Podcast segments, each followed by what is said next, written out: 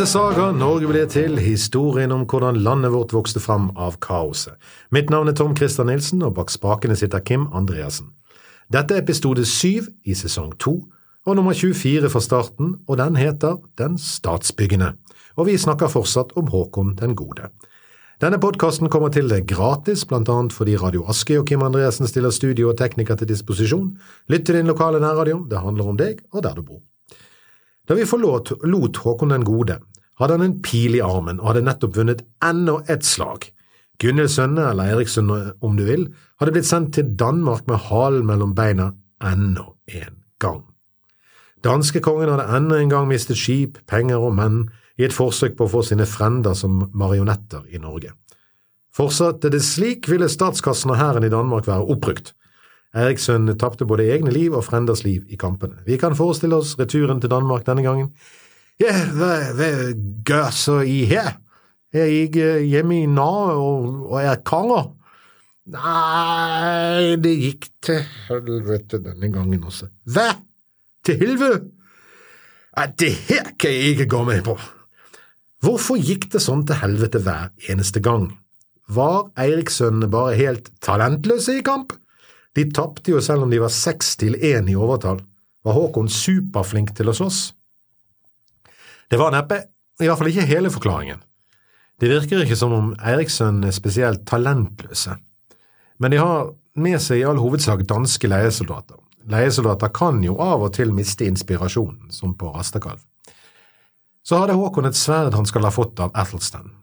Det er noen skygger av legenden om Arthur og ridderen av det runde bord i dette. Dette enestående sverdet, Norges svar på Excalibur, sverdet Kvernbit, som aldri forlater Håkons side. Det virker som om dette sverdet er av vesentlig bedre kvalitet enn det som var vanlig i Norge og Norden. Vi husker hvordan Egil Skallagrimssons sverd sluttet å bite i holmgang. Kvernbit blir aldri sløvet på den måten.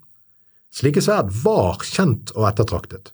Ofte var frankiske sverd regnet for høy kvalitet, og best av alle var de såkalte Ulfbert-sverdene.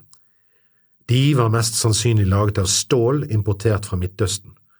Disse nær mytiske, men høyst virkelige sverdene som har overlevd, var overlegne alle andre sverd i samme periode. Var det et slikt sverd Håkon hadde fått? Hvorfor var sverdet bedre? Mm, det hadde sammenheng både med kvaliteten på det myrjernet nordmenn vanligvis brukte til å smi sverd med, og teknikken de brukte med å folde metallet. Det er på denne tiden ikke uvanlig at sverdene blir sløve og at kampen ender med at folk trekker seg når de er utslitte. Men kvernbiten er annerledes, og vi hører stadig om hvordan Håkon går hardt fram i slagene. Med det menes kanskje at når kampen står og vipper, og kamphanene søker mot kongen for å drepe ham, så møtte de hans beste menn, men også et sverd som bet mye bedre og skarpere enn deres eget når de først kom fram. Som en ser i slaget på Fitjar, så har Hirden og Håkon utviklet en koordinering, en metode, der Håkons nærmeste mann fendra av med skjoldet for å gi Håkon åpning til å få inn et hugg med begge hender på kvernbit. Mang en mann mistet bokstavelig talt hodet på den måten, som Øyvind på Fitjar, som får skallen delt i to, tvers gjennom hjelmen og helt ned til skuldrene. Men én mann med ett sverd er ikke nok. Selv om med de størrelsene på hærstyrker vi her snakker om, så er en liten effektiv avdeling ofte nok til å snu kampen. Det må likevel ha vært noe annet i tillegg. Dette annet ser ut til å være Håkons evne til å organisere det uregjerlige landet han ledet. Harald Hårfagre regjerte med bakgrunn i sin personlige utstråling og store hird, og sitt personlige vennskap med sentrale stormenn. De sto i personlig gjeld til ham for sine posisjoner, kanskje med unntak av Ladejarlen. Med Håkon er det annerledes. Det er faktisk han som står i gjeld til de for å ha tatt han til konge.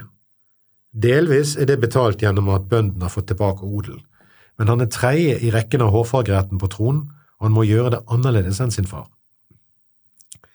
Det er kanskje her forklaringen ligger på at det er han og ikke Eirik Blodøks som vinner. Håkon har sett hvordan England er organisert, og han har lært av det.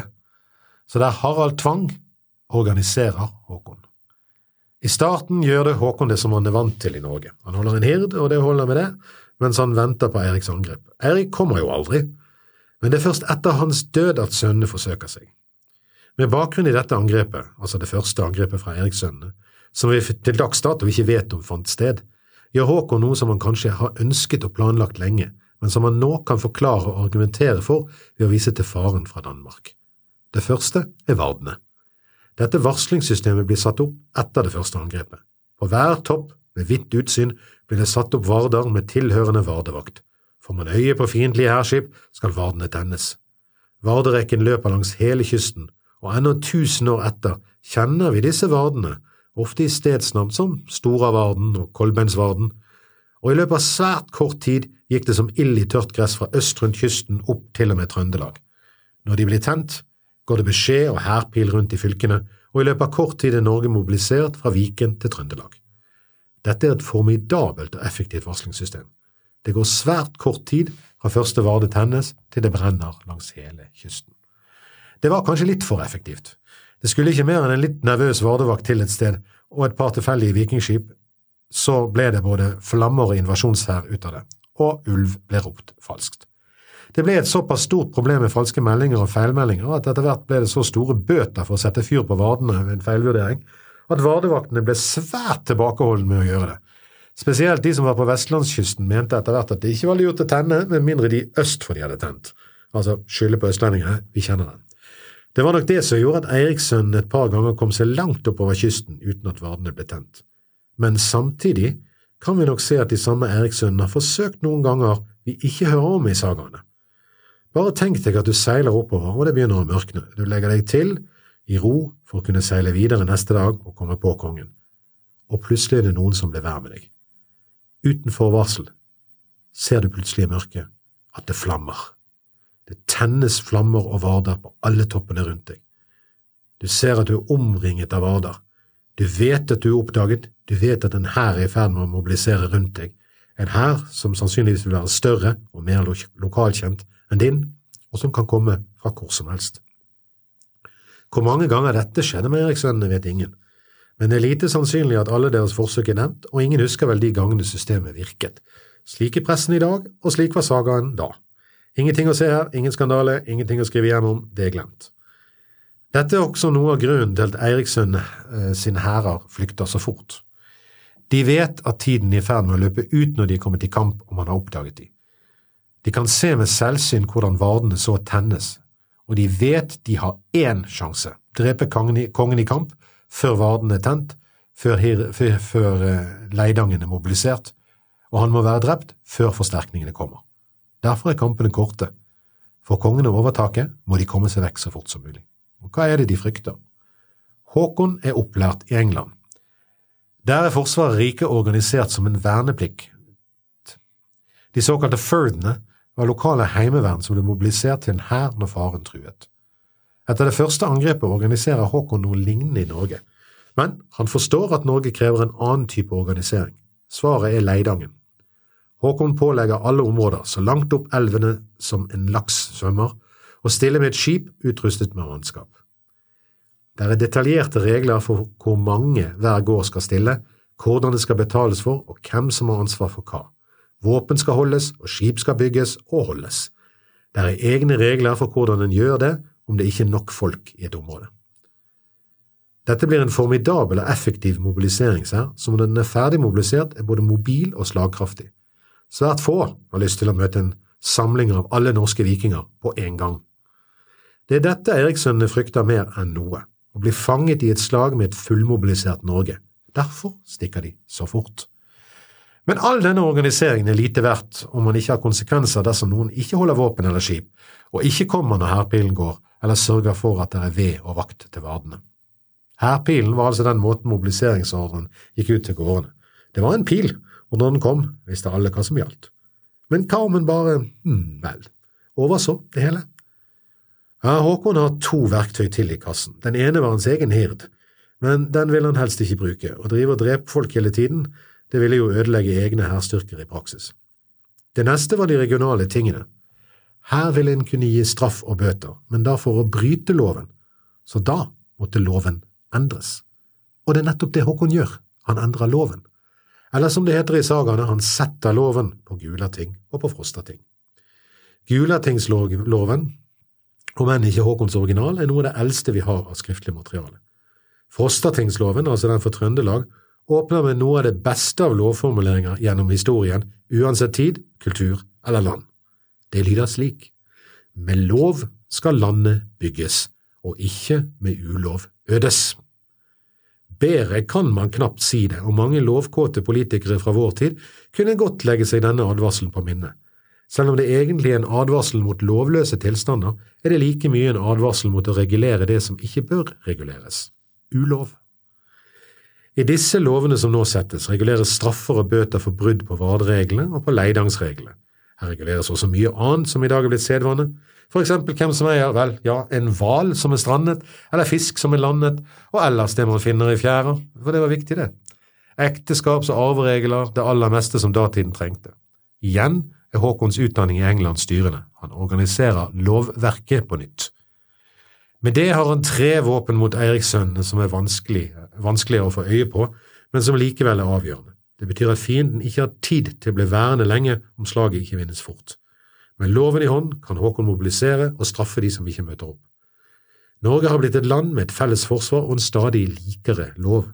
Det gir Håkon mer makt enn faren noen gang hadde, og det gir han kimen til en stat og strukturer som skal vare lenge. Dagens marine har sin historie helt tilbake til Håkons Leidang. Men med all denne makt følger også et ansvar, og der skrives inn i loven noe helt spesielt, i hvert fall for denne tiden. Kongen må også svare for loven, bestemmer Håkon. Han har makten, men også han kan dømmes. Der skrives inn en rett og en plikt til å gjøre opprør dersom kongen går utover sin rett og dreper noen eller blir tyrann. Kongen skal også følge loven, ellers har folket rett til å avsette ham med makt. Dette er unikt.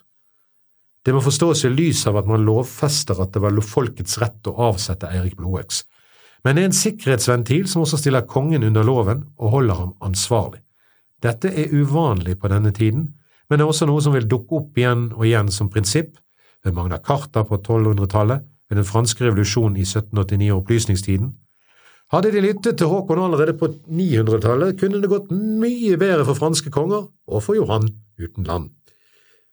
Det er ingen tvil om at dette lar krav og demper på kongens makt. Dermed kan vi si at vår første grunnlov der maktfordelingen settes, kommer med Håkon den gode. Og det går over 800 år før den neste. Men denne dyktige mannen som organiserte loven, varsling og leiang, han vant alle slag, og han var elsket av sitt folk, han feilet katastrofalt på ett område. Han fikk ingen sønner. Han fikk bare en datter, og hennes morskap er høyst uklart. Er han i det hele tatt gift? Vi vet egentlig ikke. Der faren hadde en kvinne i hver bygd, er Håkons kvinnehistorier komplett fraværende. Vi vet som sagt om en datter, men ikke om en mor. Vi er nå rundt 960, og Håkon er over 40, altså godt over gjennomsnittsalderen for eller gjennomsnittlig levealder for folk den gang. Og han har ingen mannlig arving. Hvem skal ta over etter han?